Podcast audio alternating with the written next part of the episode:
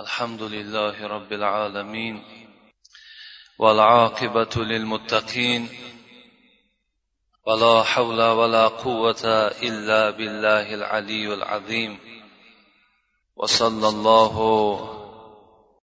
على سيدنا محمد صلى الله عليه وسلم وعلى آله الطيبين الطاهرين وأصحابه أجمعين.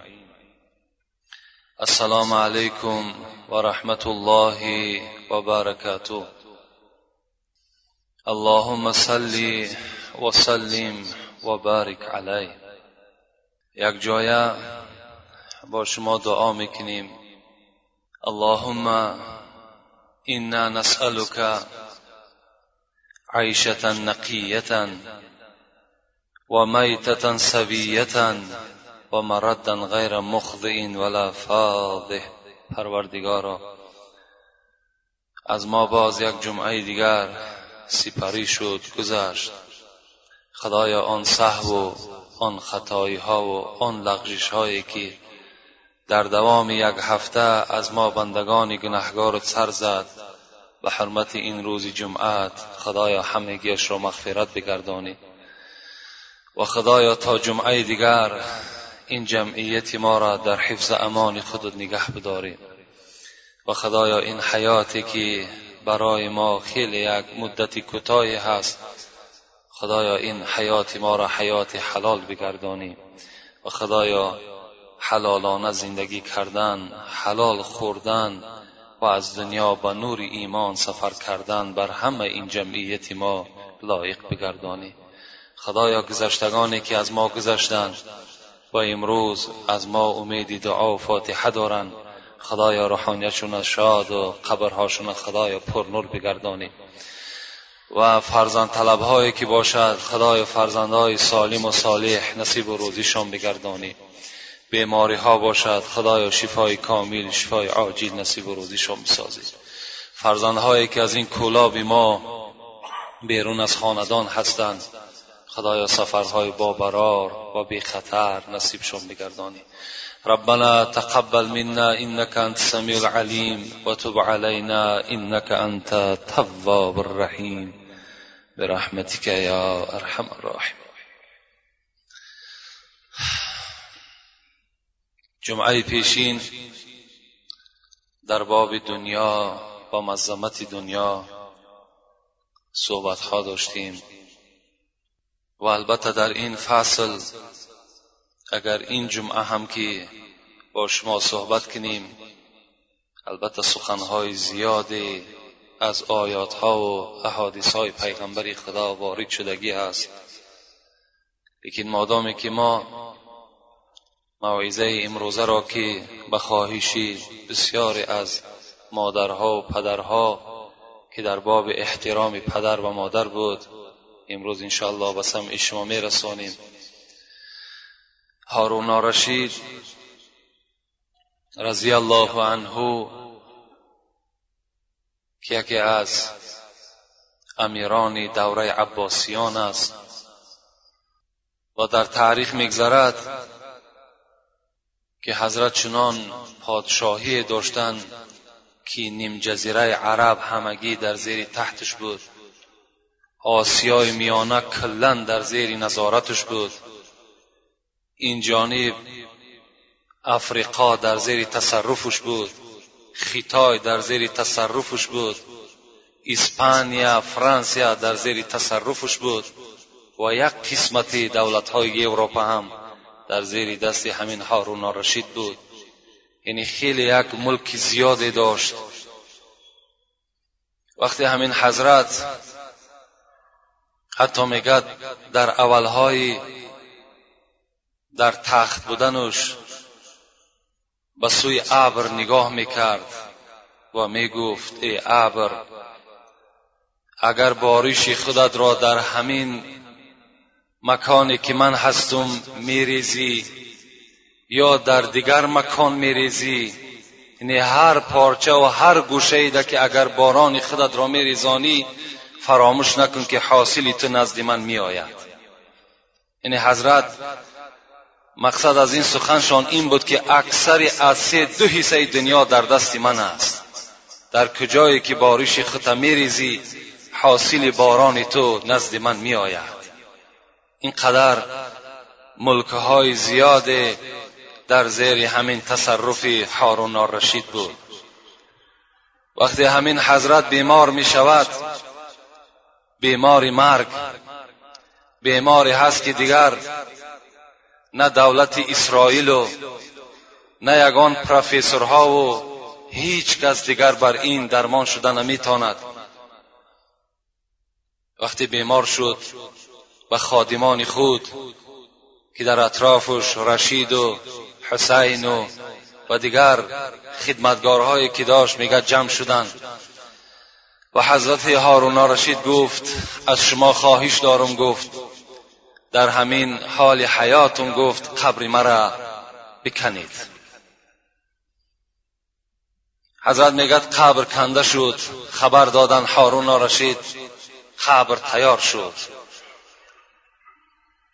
گو مادامی که من بیمار هستم و قدم زدن نمیتانم مرا نزد قبر حاضر کنید.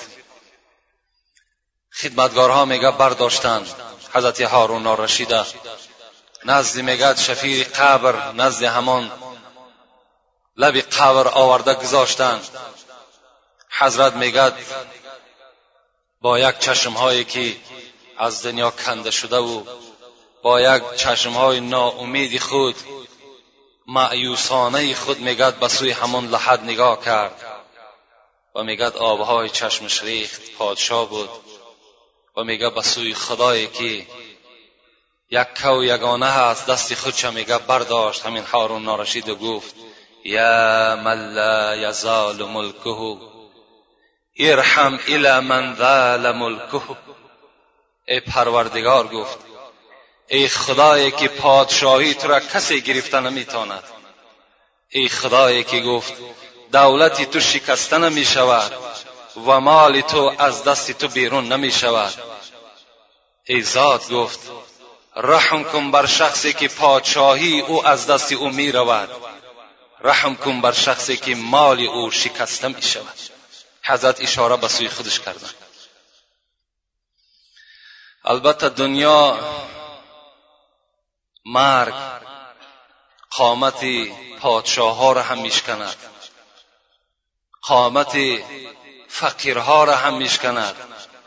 قامت منصبدار هم میشکند. قامت پولدار هم میشکند.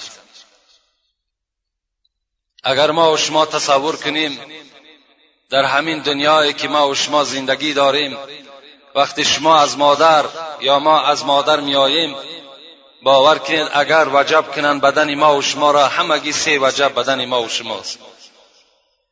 و وقتی که تصور کنید که ما به وایه می‌رسیم به یک سینی بلاغت می‌رسیم و مرگ بالای ما میآید جان ما و شما را خداوند می‌گیرد. اگر بدن ما و شما را وجب اندازند بدن ما و شما ده وجب می شود یعنی در حالتی که تولد می شویم سه وجب زمین صاحب میشیم. وقتی به وایه می رسیم ده وجب زمین از خود می‌کنیم. یعنی دو متر زمینه. یعنی در همین بین اگر جدا کنیم برای هفت وجب زمین در این دنیا چگونه عمر خودمان ما سپری می‌کنیم؟ خود تصور کنیم. برای هفت وجب زمین امروز بندگان خدا اطاعت خدا را نمی‌کنند امروز بندگان خدا فریفته همین دنیایی که ما وصف او را برای شما کردیم فریفته همین می شود امیرها در نزد قبر بیچاره هستند. امیرها در نزد قبر گریه می‌کنند و از خدای خود چکار می‌کنند. برای رحم جان خودشان دعا می‌کنند. جهان ای برادر نماند به کس. دلن در جهان آفرین بند و بس.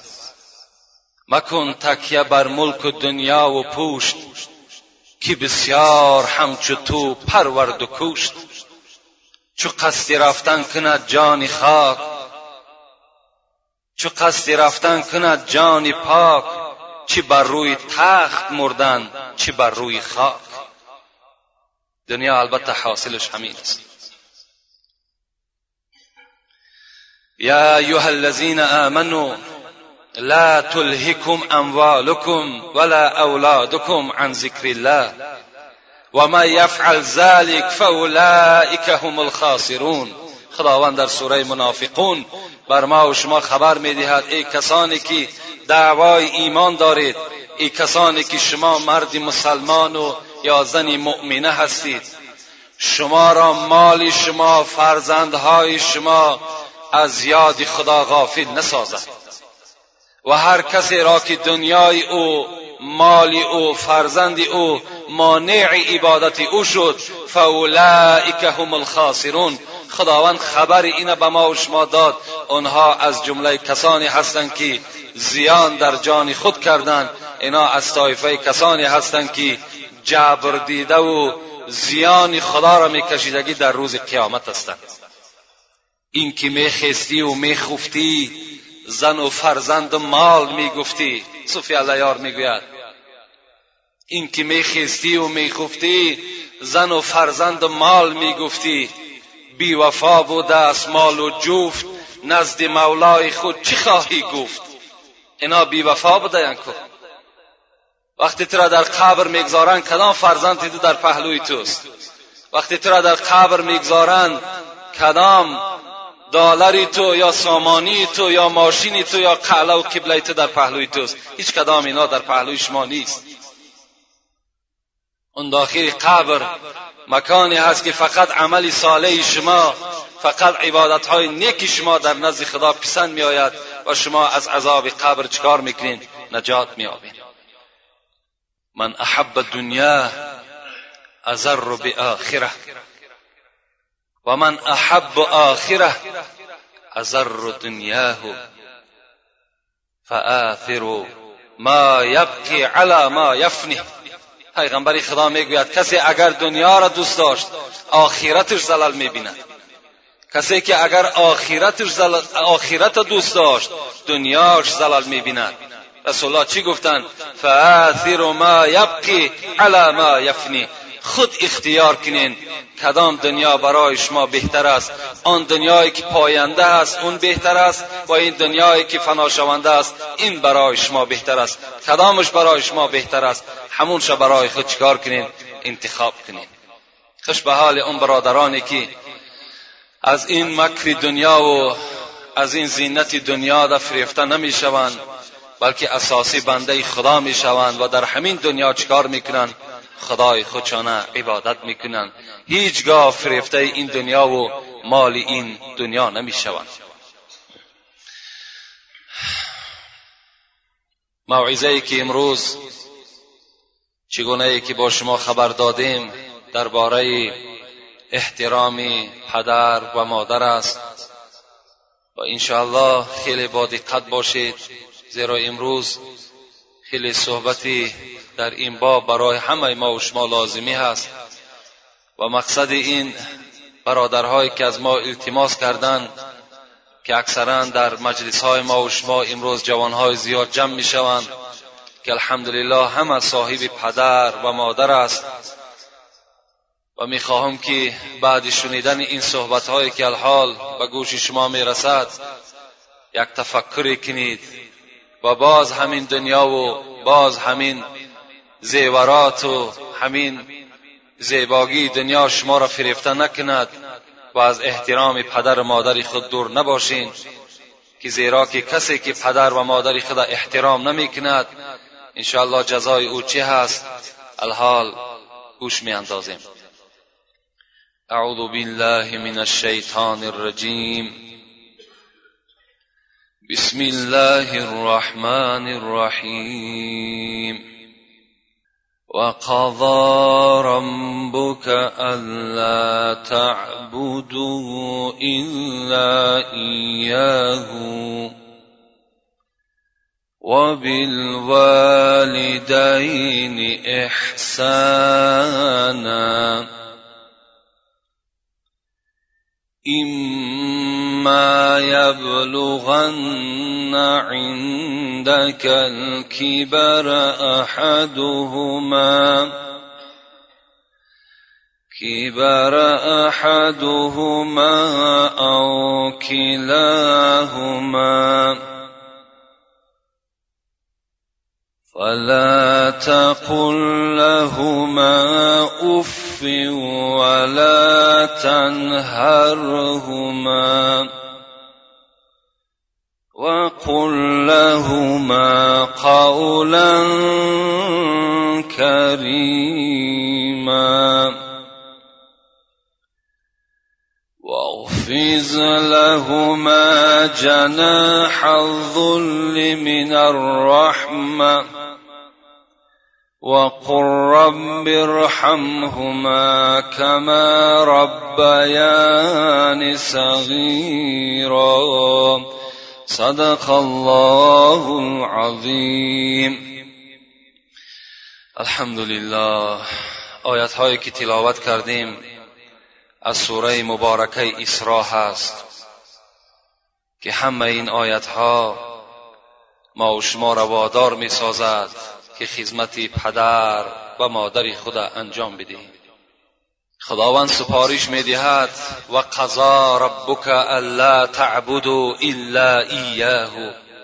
صاحب تفسیر ابن کثیر می‌گوید خداوند در اینجا و قضا گفت یعنی به شما می‌گوید قضا در اینجا به معنای امر آمده است. خداوند بر شما امر می‌کند ای بندگان خدا چه امر می‌کند؟ الا تعبدوا الا ایاه هر وقتایی که بندگی می‌کنید به جز ذات پر اقتدار من در هیچ چیز دیگر شما عبادت نکنید. پرستیش فقط و فقط لایق من است دیگر هیچ چیز لایق پرستیش نیست. بندگان من وقتی اگر شما محتاج به یگان کار میشین و یا کار شما در پیش کسی میغلطد از من شما یادآوری کنید از من یاردم طلب کنید. شما پیش فالبین نرین شما پیش مزار نرین از آنها مدد طلب نکنین آنها خود عاجز هستند آنها خود بنده من هستند. شما فقط و فقط الا ایاه مگر به سوی من رجوع کنید کار شما حاصل بشود شما نزد هیچ ایشان و داملا برای تمار کشایشی کار نرین. بگر که خدا را عبادت کنین تمار شما همون است اگر شما حلقه ها و گردن های شما بنده های دست شما حتی از پیغمبر شما اگر تمار بگیرین لیکن عبادت خدا را نکنین تمار برای شما فایده نمیده امروز اکثر بندگان خدا را می‌بینی نماز نمی‌خوانند عبادت خدا را نمی‌کنند محمد را نمی‌شناسند نزد یک داملا میآیند تمار طلب می‌کنند تمار برای چی؟ برای کشایش کار. کشایش کار خدا خودش می‌دهد. کشایش کار داملا داده نمی‌تواند تمار حل کرده نمی‌تواند. خدا می‌گوید به جز من دیگر هیچ چیز را بندگی نکنید. از هیچ چیز شما طلب مدد نکنید. این نلهای اسبی که شما در دروازه ها زدین این خارهایی که در پشت دروازه های خود زدین. شما به سبب اینها در نزد خدا عاصی شدین گناهگار شدین. شما در شرک دست زدین. شما در نزد من مستجیب عذاب شدید الا ایاه و بالوالدین احسانا. خدا در دوام این به ما چی سپارش داد؟ به ما و شما سپارش داد. بعد آنه که مرا شناختید و یگانگی من در اعتقاد کردید. و بر قدرت من شما قائل شدید و پدر و مادر خود نیکویی کنید و بالوالدین احسانا اما یبلغن عندك الكبر احدهما او كلاهما پدر یا مادر یا یکی از این دو خدا گفت کلاهما. یکی از این دو اگر به سین سالی پیران سالی که رسیدن شما خدمت از اینها کنده نکنید. در اون حالت به اینها چکار کنید؟ خدمت کنید. فلا تقل لهما اف ولا تنهرهما. خدا در دوام چی سپارش می‌دهد؟ اینا سپارش خداوندی است. اولا با پدر و مادر احترام کنید. پدر و مادر حرمت چه بجا بیارین؟ یک سپارش. سپارش دویم همین است که وقتی از اینها که به پیری رسید به سین سال رسیدن که احتیاج به سوی فرزند پیدا کردن دویم سپارش من این است که احترام پدر موی سفید و مادر کمپیری خدا در آوان پیریشان بجا بیارید. دویم سپارش من است. خدا به ما و شما سپارش داده ایستاده است. ولا تقل لهما اف ای بنده من هر وقتایی که اگر تو دل تنگ شوی. هر وقتایی که اگر کار برای تو پدر و مادر سپارش داد یا ای بنده ای من وقتی که اگر درد در وجود تو پیدا شد تو در نزد پدر و مادر کلمه اف را استفاده نکن. ولا تقل لهما افین تو نمیدانی او پدر و مادر تو میوه دل پدر و مادر هستی. وقتی تو تو اوف میگوی تو دل مادر و پدر آزرده می‌شوند. دل پدر و مادر غمگین می‌شود. اگر تو فرزند سالم باشی سالی باشی در نزد پدر و مادر کلمه اوف را استفاده نکن. ولا تنهرهما. در دوام آیت خدا با سپارش داد. سپارش چهارم من بر شما این است. وقتی پدر و مادر با شما صحبت می‌کند شما به سوی پدر و مادر کیانه آمیز سخن نگویید.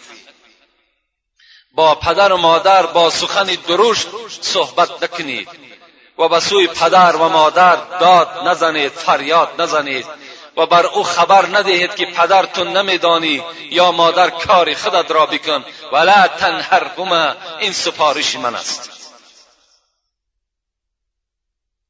واغفز لهما جناح الذل من الرحمه خدا می‌گوید وقتی پدر و مادر وارد خانه تو شد ای فرزند واغفظ لهما جناح الذل بال توضع بال رحمت را به مهربانی با پدر و مادر انجام بده. پدر و مادر که نزد تو داخل شد تو فرزند او که باشی سفارش من بر تو این است که نزد پدر و مادر راست شو. و السلام علیکم و رحمت الله گفته مرحمت پدر را در بالای بالین ملایم چکار کن؟ شینان این سفارش خداست. واخفض لهما جناح من الذل. وقل رب ارحمهما كما ربياني صغيرا. من سپارش دیگری من بر شما این است. خدا می‌گوید. چه هست سپارش دیگر؟ سپارش این است که وقتی که ای فرزند انسان نماز می‌خوانی دعا می‌کنی پدر و مادر را در دعا کردن فراموش نکن. وقتی اگر پیرانسال باشد بگو خدایا پدری مرا مادری مرا از دنیا به نور ایمان ببر. اگر بیمار باشند بگو پروردگارا درد این پدر و مادری مرا سبک بگردان. و خدایا درد این به سر من بیار. پدر و مادری مرا دردمند نساز. خدایا پدر و مادری مرا مغفرت کن. خدایا تنی صحتشان نصیب بگردان. خدا سپارش می‌دهد و قل رب ارحمهما کما ربیانی صغیرا. لکن در دوام خدا چی گفت؟ گفت ای فرزند گفت تو به این نناز و به این فخر نکن که من دعاگوی پدر و مادر هستم. به این نناز زیرا کما ربیانی صغیرا. زیرا تو خوردی اختیاد کن که این پدر و مادر در حق تو دعا کرده بودن. تو عوض همون داده ایستاده ای این معنای او را ندارد که من فخر کنم که امروز من دعاگوی پدر و مادر شدم. خدا میگد زیرا که اینها تربیه کننده تو بودند. در زمانی که تو قدرت نداشتی که یک پشه را از روی خود دور کنی این پدر و مادر بود که پشه ها را از روی تو دور می‌کرد. آسیب و ضرر را از روی تو دور می‌کرد. اینا چه هستند؟ اینا سپارش خداوند بر همه ما و شما هستند. خوش به حال همون فرزنده که این سپارش های خداوندی را انجام می‌دهد و به گفته این قرآن عمل می‌کند خوش به حالش خوش به حالش که اگر همین دنیایی که ما به شما گفته بودیم فریفتش نمی‌کند و کار می‌کند که خودش محبوب خدا و محبوب در بین مردم میگرداند. یک مردی آمد میگد یک حدیث یادم آمد جاء رجل إلى رسول الله صلى الله عليه وسلم فقال يا رسول الله دلني على عمل إذا عملته. پیغمبری خدا یک مرد آمد مرا بر یک عمل دلالت بکن بر یک کار بر گردن من وظیفه بگذار تا که اگر همون عمل را من انجام دهم احبنی الله و احبنی الناس. تا که خدا مرا دوست بدارد مردم مرا دوست بدارد. رسول اکرم چی گفتند؟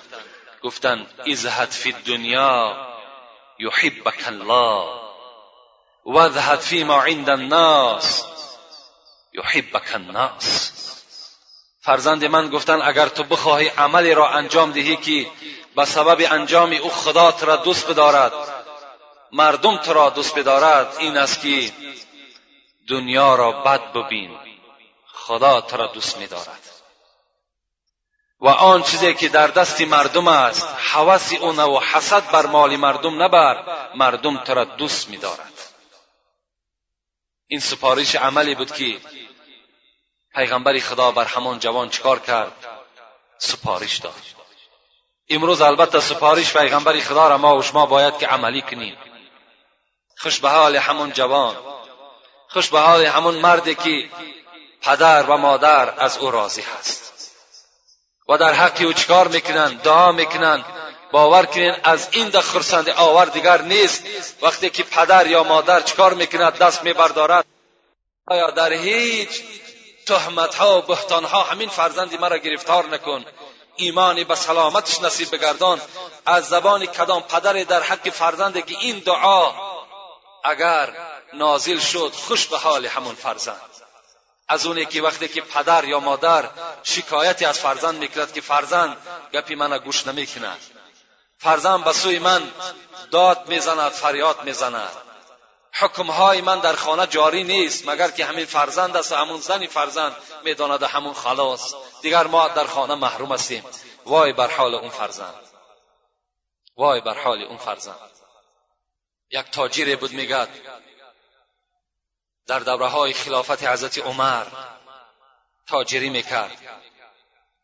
و زنی داشت میگد روز مادر همین تاجیر خانه فرزند با یک امید آمد با امید آنه که البته مادر و پدر شما فراموش نکنید که نفقه اونها را رسانیدن چه از لباس چه از شکم او در گردن فرزند است. این مادر میگه با همین امید خانه همین فرزندش آمد. این فرزند تاجر بود مالدار بود پولدار بود. تا جایی که فرزند خود رفته خانه مادر یا پدر خبر بگیرد برای آنها از مال ثروتی داشتگیش ادا کند تا که در مال او در عمر او برکات شود. این مادر بیچاره چکار کرد؟ کیسه خانه فرزند آمد. امروز بسیار از این گونه فرزندهایی که مادر اونها را خبر می‌گیرد نه فرزند. حالان که حقی خبرگیری فرزندها دارند نه پدر و مادر آمد میگد در خانه داخل شد گفت فرزند گفت گرسنه ماندم چیزی در خانه نیست نزد شما آمدم اما مادری تو بودیم تو را به دنیا آوردیم و تو را تربیه کردیم از نعمتهای خدا تو را محروم نساختیم همه حالت از حال تو من خبرگیر بودم تو از اینها درکدار هستی. اگر چیزی باشد برای نفقه بر من نصیب بگردان. این زن نزد این تاجر یعنی شوهرش گفت مادری تو هر روز که خانه ما و شما می آید و دایم از خانه ما و شما طلب دارد. راستی بار از دست این مادری تو ما مانده شدیم چی می شود که این از همین خانه محروم بسازی؟ این فرزنده که البته ناقابل بود. فرزندی بگیم از احکام ارکان خدا که درکدار نداشت درک نداشت. نمی‌دانست که پدر و مادر حکمش از هزار زن بالاتر است. در حال به گفته همین زنی خود آمد. آمد و مادر از خانه خود چکار کرد؟ پیش کرد. گفت مادر دیگر در این خانه من تو را دیگر نبینم. از خانه بیرون شد دوره های خلافت حضرت عمر بود. این مادر میگه در نزد همان فرزند خود دستش برداشت. گفت پروردگارا گفت. من می‌دانم که تو صدای مادر و پدر میشنوی. من دعا می‌کنم. که خدای همین فرزند مرا در یگان مصیبت و مشکلات گرفتار کن. و از خانه میگد با چشمهای گریان و با یک دست خالی میگد به سوی خانهاش روانه شد. دیری نگذشته این تاجر میگد مادامی که تجارت داشت از خانه بیرون شد و به تجارت رفت. در اسنای راه میگه چی سببی شد که رفیقانش میگه از این تاجر جدا شدند.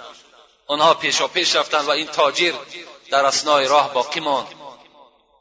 و ناگاه میگد یک گروه میگد از راهزنهای همون زمانه میگد نزد این تاجر حاضر شدند. و آن چیزی که در بدنش داشت همه پیسه و مال و ملکی او را گرفتند. بزم ای گفتند چیکار کردند؟ دستهای این تاجر میگه قطع کردند. و در پیشش میگه گذاشتن و همه میگه هر طرف رهسی پار شدن این غضب خدا بود این دعای مادر بود این فرزند میگد دستهای خدا میگد در یک لطه میگه پیچان و با یک حال زار گریان میگد. به همان ملک میگه داخل شد. وقتی که به مادر میگه این سخن رسید و این صدا رسید مادر که یک کان رحم است. البته به فرزند همون ناخوب و ناقابلش میسوزد. وقتی شنید که فرزندش در این احوال گرفتار است میگد خیلی نزد فرزند آمد. تا جای فرزند از او بخشش طلب کند. بخشش میطلبید که فرزند من همان روز من از تو ناریضا شدم. شاید که همان زمان دعای من در نزد خدا اجابت خدا دریافت کرد و تو بر همین بلا مبتلا شدی. خاک بر سر مادری تو گفته باز خودش این مادر دعا می‌کرد. و این تاجر باشد می‌گفت که من حس کردم. مادر گفت اون زمانی که تو از خانه بیرون شدی دلی خودم خیلی و خیلی غمگین شد و فکر کردم که بسر من یگان بلای البته آمدنی هست. من انا حاصلش گفت الحال دیده ایستاده این مادر چکار کرد؟ میگد شبی دراز میگد این فرزند داد می‌گفت اوف میگرد طبیب ها حاضر کردند و دعا می‌کرد که خدایا همین فرزندی مرا سالم بگردان. همین فرزندی مرا سلامت بگردان. البته آن چیزی را که خدای ما و شما بخواهد او چی می شود او اجرا می شود رسول اکرم می‌گوید سلاس و دعوات مستجابتون. سه دعای هست که دعای اینها رد نشونده هستند. دعای اینها را خدا میشنود. نزد دعای اینها هیچ پرده ای نیست. دعای اینها قبول می شود یکی دعای چی است؟ دعوت المسافر و دعوت المظلوم و دعوت الوالد للولد. رسول الله گفتن یکمش دعای مسافر است کسی مسافر باشد در خاندان ما و شما اگر مهمان شود دعای را حتمی شما چکار کنین دعای را بگیرین که رسول اکرم گفتن دعای مسافر قبول است دویم دعای مظلوم کسی که بیچاره است کسی که نارسایی دارد کسی که خار است کسی فقیر است خیلی مشکلات قطعی زندگی دارد. و این مظلوم است دعای او را ما و شما چکار کنیم؟ دریاب کنیم دعای او را بگیریم. انشاءالله در نزد خدا ما و شما چی میشیم؟ به دعای اون کس سربلند میگردیم. و سیوم دعایی که پیغمبر گفتن قبول است. این دعای پدر و مادر در نزد خداست حتی پیغمبر گفتن لا شک فیهن. هیچ شک در قبول این سه دعا در نزد خدا نیست. مادر دعا کردن میگد این فرزند چکار کرد؟ و اصل پیشینه خود به بدل گشت. لکن یک عبرت برای ما و شما از این قصه ها باید که حاصل شود. که وقتی که ما و شما رنجش مادر میتیم یا رنجش پدر می‌دهیم فراموش نکنین. رسول الله به شما می‌گوید رسول الله این کسی هست که سخنش حق است. این یگان گپی بیهوده نیست که بگیم که ناتغری گفتند یا اینکه گپی اون نمیشیدگی هست نه این کسی هست که از نزد مکان به ما و شما سخن آوردن که خدا خود گفت که محمد چیزی از پیش خود نمی‌گوید. هر چی می‌گوید سخنی ما را می‌گوید. بر آباءکم تبرکم ابناءکم. پیغمبری خدا گفت اگر شما بخواهید ای مردم که از فرزندهای خود شما احترام بینین از فرزندهای خود شما حرمت بینین و فرزندهای شما شما را نوازش کنند. بر آباءکم. اول شما پدر مادر خودتان احترام کنین. پدر مادر احترام کردین. شما چکار می‌کنین؟ در احترام فرزندهای خود دچار می‌شوید هر کسی که اگر در دنیا از دست فرزندهای خود و از دست دخترهای خود آزار می‌بینند باور که در این سخن باید شک نباشد. اینها در پدر و مادر شاید که خدمت نکرده باشند. شاید که در پدر و مادر خدمت نکرده باشند که امروز فرزندهای اونها چکار می‌کنند؟ اونها را لطقین می‌کنند. زیرا بین قصه می‌کند یک مرد میگد آمدم. آمدم میگد نگاه کردم در یک کوچه که یک موی سفید را یک مرد لطقین می‌کرد. می‌زد. موی سفید میگد در زمین بود. چگونه یک کار به انصافانه است وقتی ما و شما اگر یک موی سفید در زیر کوفت و لغتی اگر یک جوان بینیم برای ما و شما خیلی نفرت آور است. زیرا نخواه موی سفید در زمین یک جوان به سوی او دست می‌کشد. این جوان میگه نگاه کردم راستی بار خیلی غضبناک شدم. و نزد اون موی سفید رفتم میگه و اون جوان تله کردم. گفتم این چی کاری به انصافی است؟ تو از خدا نمیترسی. این موی سفید کی هست که تو اینقدر عذاب و مشقتش می‌دهی؟ موی سفید میگه از زیر زمین به پشت زده بود به سوی من میگه اشاره کرد. گفت ای دادر گو خوش به حال تو گفت. خدا ترا رحمت و مغفرت کند لکن این گفت از بالای من کنده نکن. بگذار مرا لطقین کند گفتم چرا؟ گفت زیرا همین مکانی که الحال این بچه بر من لطکوب می‌کند این بچه بیگانه نیست این بچه بچه من است. در همین مکان من پدری خودم همچنان زده بودم. پدری خودم من همین خیل معامله در همین مکان کرده بودم. امروز حاصل او را از فرزند خود دیده است رسول الله می‌گوید کما تدین و تودان این سخن حضرت عیسی است رسول الله ذکر کردند چگونه که معامله می‌کنی همچنان معامله را انتظار شو. چگونه که معامله می‌کنی هم گونه معامله را چکار کن انتظاری کن. اگر امروز تو ظالم باشی انشاءالله از خدا باوری دارم. وعده خدا حق است که تو در دست یگان ظالم دیگر گرفتار میشه. اگر امروز تو خواهر یک برادر را زینا می‌کنی البته خواهر اولاد اجداد را زینا می‌کنند این معامله هست که البته چی دارد؟ این قرض است. امروز کردی فردا تو جزا نزد خدا میگی. امروز این برادر تو شرمنده کردی. اپای او را زنا کردی یا مادری او را زنا کردی خواهری او را زنا کردی. تو فراموش نکن که اپا و مادر و خواهری تو را کسی یافت می‌شود که زنا می‌کنند و تو را مثل این هم در دنیا هم در قیامت شرم سارت می‌کنند. اینا را فراموش نکنید همه اون کسانی بدانند که در دنیا چگونه معامله کردین. معاملهش البته هم در دنیا هم در آخرت حاصل شما می‌گیرین. عبدالله ابن عباس می‌گوید سه آیتی هست میگه در قرآن که به سه چیزی دیگر پیوسته.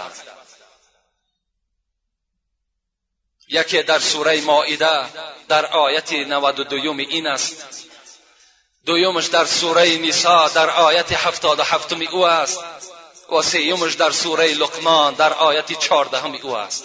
سه آیتی هستند که با یکدیگر چسبیده هستند. اینها را کسی که اگر جدا کند خدا گفته است از رحمت من در روز قیامت ناامید می شود. خوب توجه کنیم اینها کیا باشند.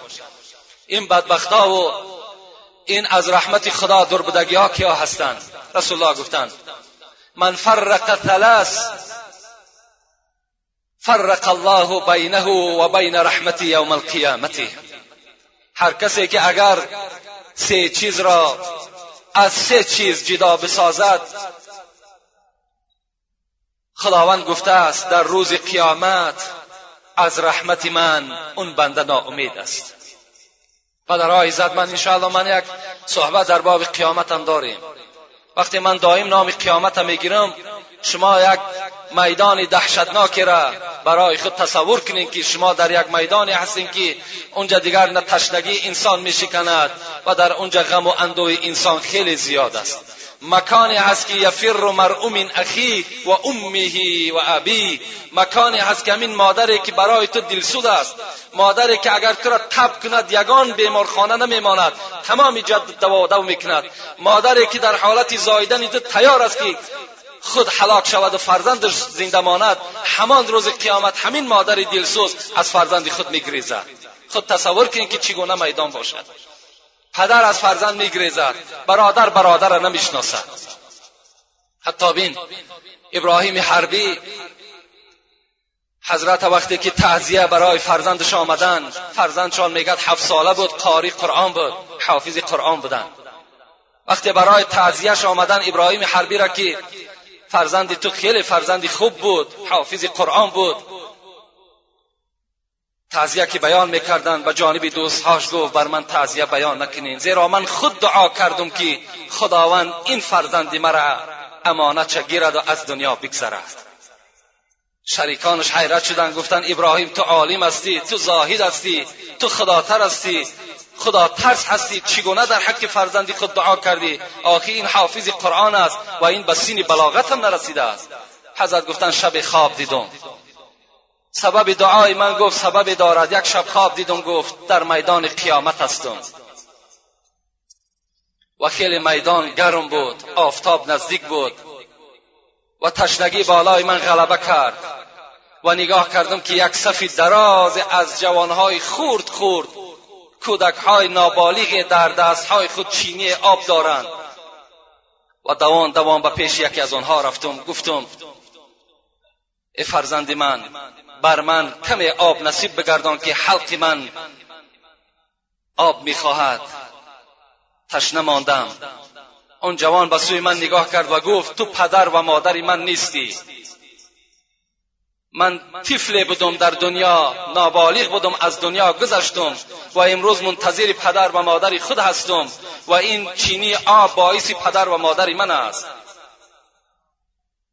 میگه وقتی اینو شنیدم حواس کردم که فرزندی منم در صف اونها باشد تا که فردای قیامت برای همین ابراهیم حربی برای پدرش یک شفاعت کننده و یک دستگیر باشد دعا کردم پروردگارا فرزند مرا از این دنیا رحلت بفرما خدایا جان این فرزند مرا بگیر تا که این فرزند در قیامت دستگیری من شود صدای شنیدم بیدار شدم گفتم فرزند تو از بالای پاریسه در زمین زد و حلاک شد. دعای من گفت در حق فرزندم قبول شد. با امید آنه که در روز قیامت برای من چی شود؟ سبکی شود. همین روز قیامت انشاءالله من به شما این صحبت مکمل و مفصل بر شما بیان می‌کنم. زیرا که کسی به قیامت باور ندارد به خدا قسم کافر است. کسی که به قیامت شیدنش باور ندارد و این مسلمان هم نیست. رسول الله گفتن کسی که سه چیز را از سه چیز جدا می‌کند روز قیامت همین روز دهشت از رحمت خدا ناامید است. رحمت خدا بالای اون بنده نمیریزد. یکم که هست. اطیع الله ولا اطیع الرسول. من قال اطیع الله ولا اطیع الرسول. والله یقول اطیع الله و اطیع الرسول. رسول الله گفتن یکم همان شخصی که می‌گوید من خدا را پرستش می‌کنم و پیغمبری خدا کار ندارم. برای من پیغمبری خدا لازم نیست. برای من فقط یک و یگانگی این خدا در کار. حالا که خدا در سوره مایده آیت 92 به ما و شما تذکر می‌دهد اطیع الله و اطیع الرسول. من اطاعت می‌کنی پیغمبری مرا اطاعت کن. در این حالت تو بنده مکمل هستی بنده اساسی هستی. ها اینش همین است. کسانی که در دنیا فقط یگانگی خدا را باور دارند و پیغمبر هیچ اعتماد ندارند و پیغمبری خدا هیچ باورم ندارند. از پیغمبرم شفاعتم طلب ندارند. اینها کسانی هستند که از رحمت خدا در روز قیامت ناامید هستند. زیرا سپارش خداست. اطیع الله و اطیع الرسول. دویم دویم طایفه ای که از رحمت خدا در روز قیامت ناامید است. اینا کیا هستند؟ اقیم الصلاة ولا اوتوا الزکات والله یقول اقیم الصلاة و آتوا الزکات رسول الله گفتند کسانی که در دنیا می‌گویند من نماز می‌خوانم لکن از مالی داشتگیم زکات نمی‌دهم. حالا که خدا در قرآن سوره نسا آیت هفتاد و هفتم این به ما می‌گوید سفارش می‌دهد اقیم الصلاة و الزکات نماز می‌خوانی از مالی داشتگی زکات بده خوش به حال اون برادرانی که دولت دارند و از دولتی داشتگیشان زکات جدا می‌کنند. باور کنین به خدا قسم آیت های بیشمار در فصل آن است که و حدیث های بیشمارم در باب آن است که لا صلات لمن لا زکات له. اگر کسی که در دنیا زکات ندارد از مالش از هزار دلار داشته باشد 25 دلار به یک فقیر و مسکین و بیچاره به یک طالب علم و به یک آدم دست نارس نمی‌دهد نماز او نماز نیست. نمازش در نزد خدا قبول نمی شود والذین یکنیزون الذهب والفضه لا ينفقونها فبشرهم بعذاب علیم. خدا در سوره توبه به ما شما میگد آن کسانی که در دنیا مالهای خودشان مثل تیلا باشد نقره باشد مثل مثال بگیم سامانی باشد یا دلار باشد توپ کردند مال اونها به زکات رسید. لا ینفقونها لکن از اونها چیزی به مردم عطا نکردن فبشرهم بعذاب علیم. پیغمبری خدا را گفت پیغمبر خداوند سفارش داد ای پیغمبر بر اونها خبر بده که اونها را یک عذاب دردناک منتظر است. مال تو درد سری تو می شود در صورتی که اگر تو در راه خدا مال خدا خیر احسان نکنی. البته باور کنین وعده خدا حق است. خدا بر شما می‌گوید کسی که در دنیا اگر مال خودش زکات می‌دهد مثل آن است که یک دانه در زمین افتی در سوره بقره خدا خبر می‌دهد. در زمین افتید. أنبتت سبع سنابل في كل سنبلة مئة حبة. والله يضاعف لمن يشاء. والله واسع علیم بن خدا در سورة بقرة میگوید کسی که اگر در راه خدا اگر خیر احسان میکند زکات میدهد صدقه میدهد به منزله که یک دانه که در زمین میافتد هفت خوشه تولد میکند در هر خوشه صد دانه هست. خدای تو یکی تو را به هفتصد عوض میکند. پروردگار تو مهربان برای تو هست. در یک سومی که تو می‌دهی هفتصد سوم خدا در عوضش میتد اگر تو از برای خدا در راه خدا خیر احسان کنی. سوره مؤمنون خدا پنج طایفه یا شش طایفه را قد افلح المؤمنون گفت. به تحقیق نجات یافتن از عذاب خدا کیها؟ کسانی که دارای شش خصلتند یکی از آنها کی است والذین هم للزکات فاعلون. خدا می‌گوید آن کسانی که در دنیا از مال داشتگی خودشان زکات می‌دادند. برادرای عزیز شما فکر نکنید که این مال و اسباب و انجامی که شما در زیر تصرف خود دارین اینها از شما هست. از شما نیست. اینا مالی هست که خدا بر شما داده است. شما بنده خیلی خوبی خدا بدهین که خدا بر شما مالی زیادی داد لکن سپاریش هم داد که از این مال بر دیگر بندگان من چکار کن؟ زکات او را و خیر احسان او را جدا کن. در این صورت تو چی می‌شوی؟ در این صورت تو در نزد خدا نجات میابی زر و نعمت اکنون بده کانی توست. زر و نعمت اکنون بده کانی توست که بعد از تو بیرون ز فرمان توست. سعدی می‌گوید ای جان من امروز این زر نعمت که داری اینا همش امروز خودجین تو هستی. کلیدهای اون خزینه ها در دست توست.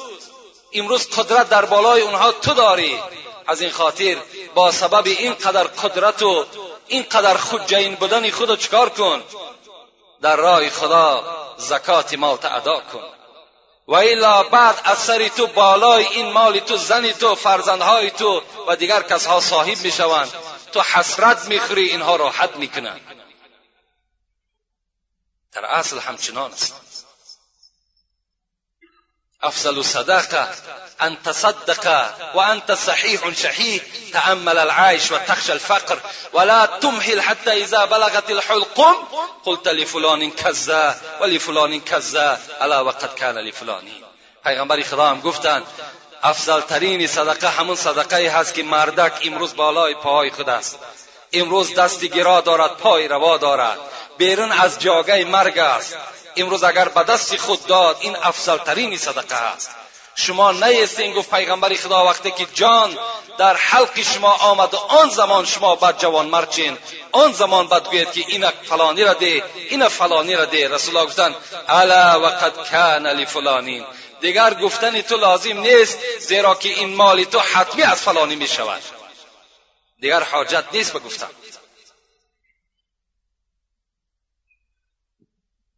دویم طایفه ای که از رحمت خدا دور بودند همون طایفه ای بودند که در دنیا نماز میخواندند لکن زکات مال ادا نمی کرده رسول الله حتی گفتند اقسم الله ان لا یدخل الجنت بخیل. بن رسول الله گفتند قسم به خدا گفتند من قسم بر ذات همون یکه و یگانه می‌خورم که البته به البت آدمی بخیل داخل جنت نمی شود کسی که در دنیا بخیل باشد کسی که از مال خودش نفقه نمی کند حق زکات جدا نمی کند این البته به البت رسول الله گفتند داخل جنت نمی شود خصلتانی لا یجتمعان فی مؤمن. پیغمبر گفت دو خصلتی هست که در بنده اگر مؤمن و مسلمان باشد این دو خصلت جمع نمی شود یکمش سوء الخلق و البخل. دویم گفتن یکمش بدفعلی و دویمش بخیلی. در کدام آدمی که بخیلی باشد در کدام آدمی که فعلی بد داشته باشد اینها مؤمن و مسلمان نیستند گفتن پیغمبر. اینها نشانه مؤمن و مسلمانی نیست. دویم طایفش همین بوده است. کسی بوده است که نماز میخوانده است. لکن زکات مالش چکار نمی‌کرده است؟ ادا نمی‌کرده است. سیوم کی بوده است؟ سیوم. من فرق بین شکر الله و شکر والدی والله یقول ان اشکر لی ولوالدیک در سوره لقمان آیتی چهاردهم. خدا می‌گوید سیمش همون کسانی هستند که فقط و فقط شکرانه مرا می‌کنند. دائم شکرانه خدا می‌گویند لکن شکرانه پدر و مادر نمی‌گویند. هیچگاه نمی‌گویند. حالا که میگد خدا میگد که من بر تو سپارش میدم. انشکرلی ولی والدی. وقتی شکرانه مرا می‌کنی شکرانه پدر و مادرم البته به جا بیار. در این صورت چه هستی تو؟ در این صورت تو از رحمت من در روز قیامت ناامید نمی‌شوی. خوش به حال آن برادرانی که هم اطاعت خدا می‌کنن هم اطاعت پیغمبر. خوش به حال آن برادرانی که هم نماز می‌خوانند هم زکات می‌دهند. خوش به حال آن برادرانی که هم شکرانه خدا می‌کنند و هم شکرانه پدر و مادر خدا می‌کنند. زیرا اگر چنده که خالق ما و شما خداوند باشد لکن سبب به دنیا آوردن ما و شما این پدر و مادر ما و شما شده است.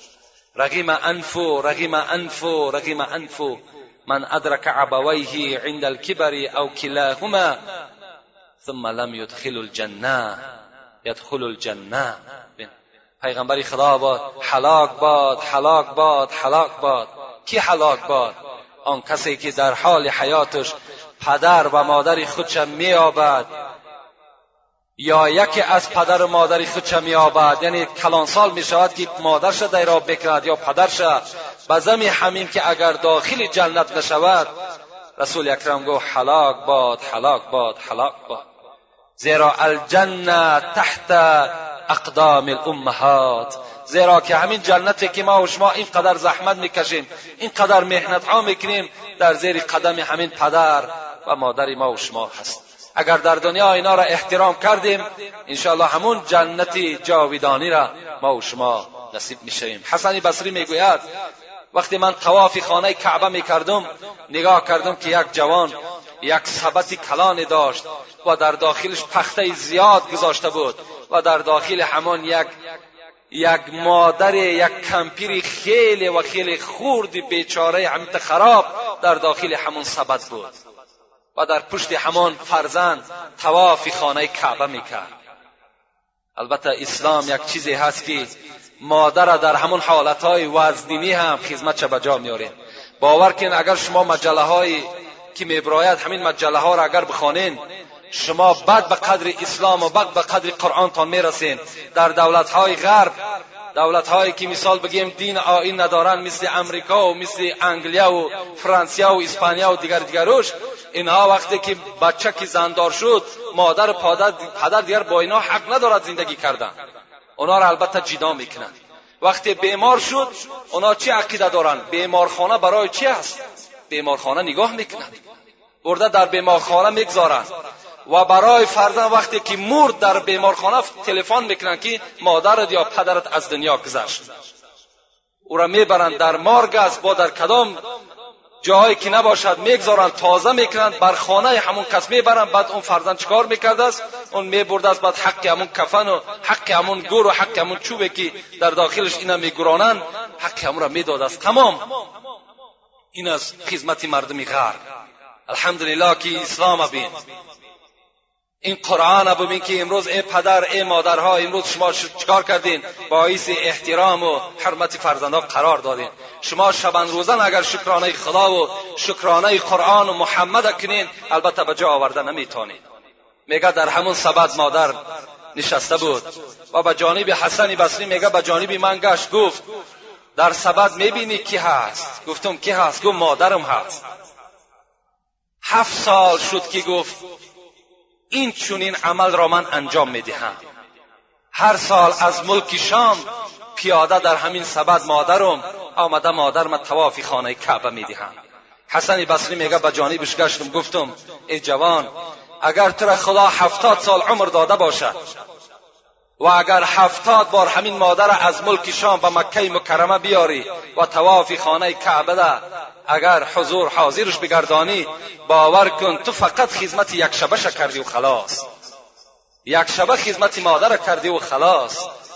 به این نناز گفت زیرا خدمت مادر خیلی و خیلی در حق فرزند زیاد است. به قدر این نعمت کسانی می‌رسند که مادر ندارند کسانی می‌رسند که پدر ندارند. در این حالت ما و شما به قدر مادر به قدر پدر ما و شما می‌رسیم. حالی بالای سر ما و شماست. بالای سر ما و شما که هست ما و شما اهمیت نمیتیم وقتی از دنیا که سفر می‌کند در یک جای یک قصه مادر که میگذرد بعد آبای چشم ما و شما می‌رسد. و ما و شما افسوس می‌کنیم که پروردگارا کاش که مادر ما را حیاتی دوباره دی تا که از این حدیث که پیغمبر خدا برای ما خبر داده است خدمت پدر مادر می‌کردیم. تا که همراه پدر مادر من داخل جنت می‌شدم. افسوس می‌کند اون جوانها. دیگر فایده ای نمی‌کند. لیکن اگر در دنیا خدمت کرده باشد جای افسوس نیست. خوش به حالش که دعای پدر و مادر را گرفته باشد. و آخر دعوانا ان الحمد لله رب العالمین. ان این صحبت ما به هیچ